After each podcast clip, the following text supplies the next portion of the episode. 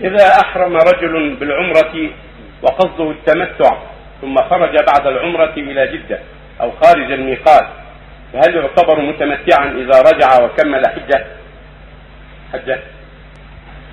الصواب أنه لا لا يخرج هذا عن التمتع إذا دخل مكة متمتعا بعد رمضان بالعمرة وقصده الحج ثم بعد فراغ العمرة خرج إلى الطائف أو إلى جدة لبعض الحاجات الصواب أنه يبقى على تمتعه وقال بعض أهل العلم أنه إذا خرج مسافة قصر ورجع بالحج محرما فإنه يكون بذلك قد نغض تمتعه ويكون مفيدا.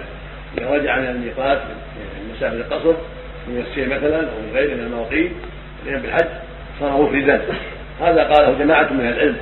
والأقرب إن شاء الله والأظهر أنه بهذه بهذه التصرفات بين الحج والعمرة لا يكون آه، مفردا بل يبقى على تمتعه إلا إذا رجع إلى بلاده.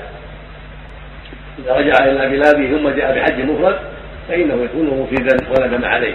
يروى هذا عن عمر وابن رضي الله عنهما وقول عامة أهل العلم.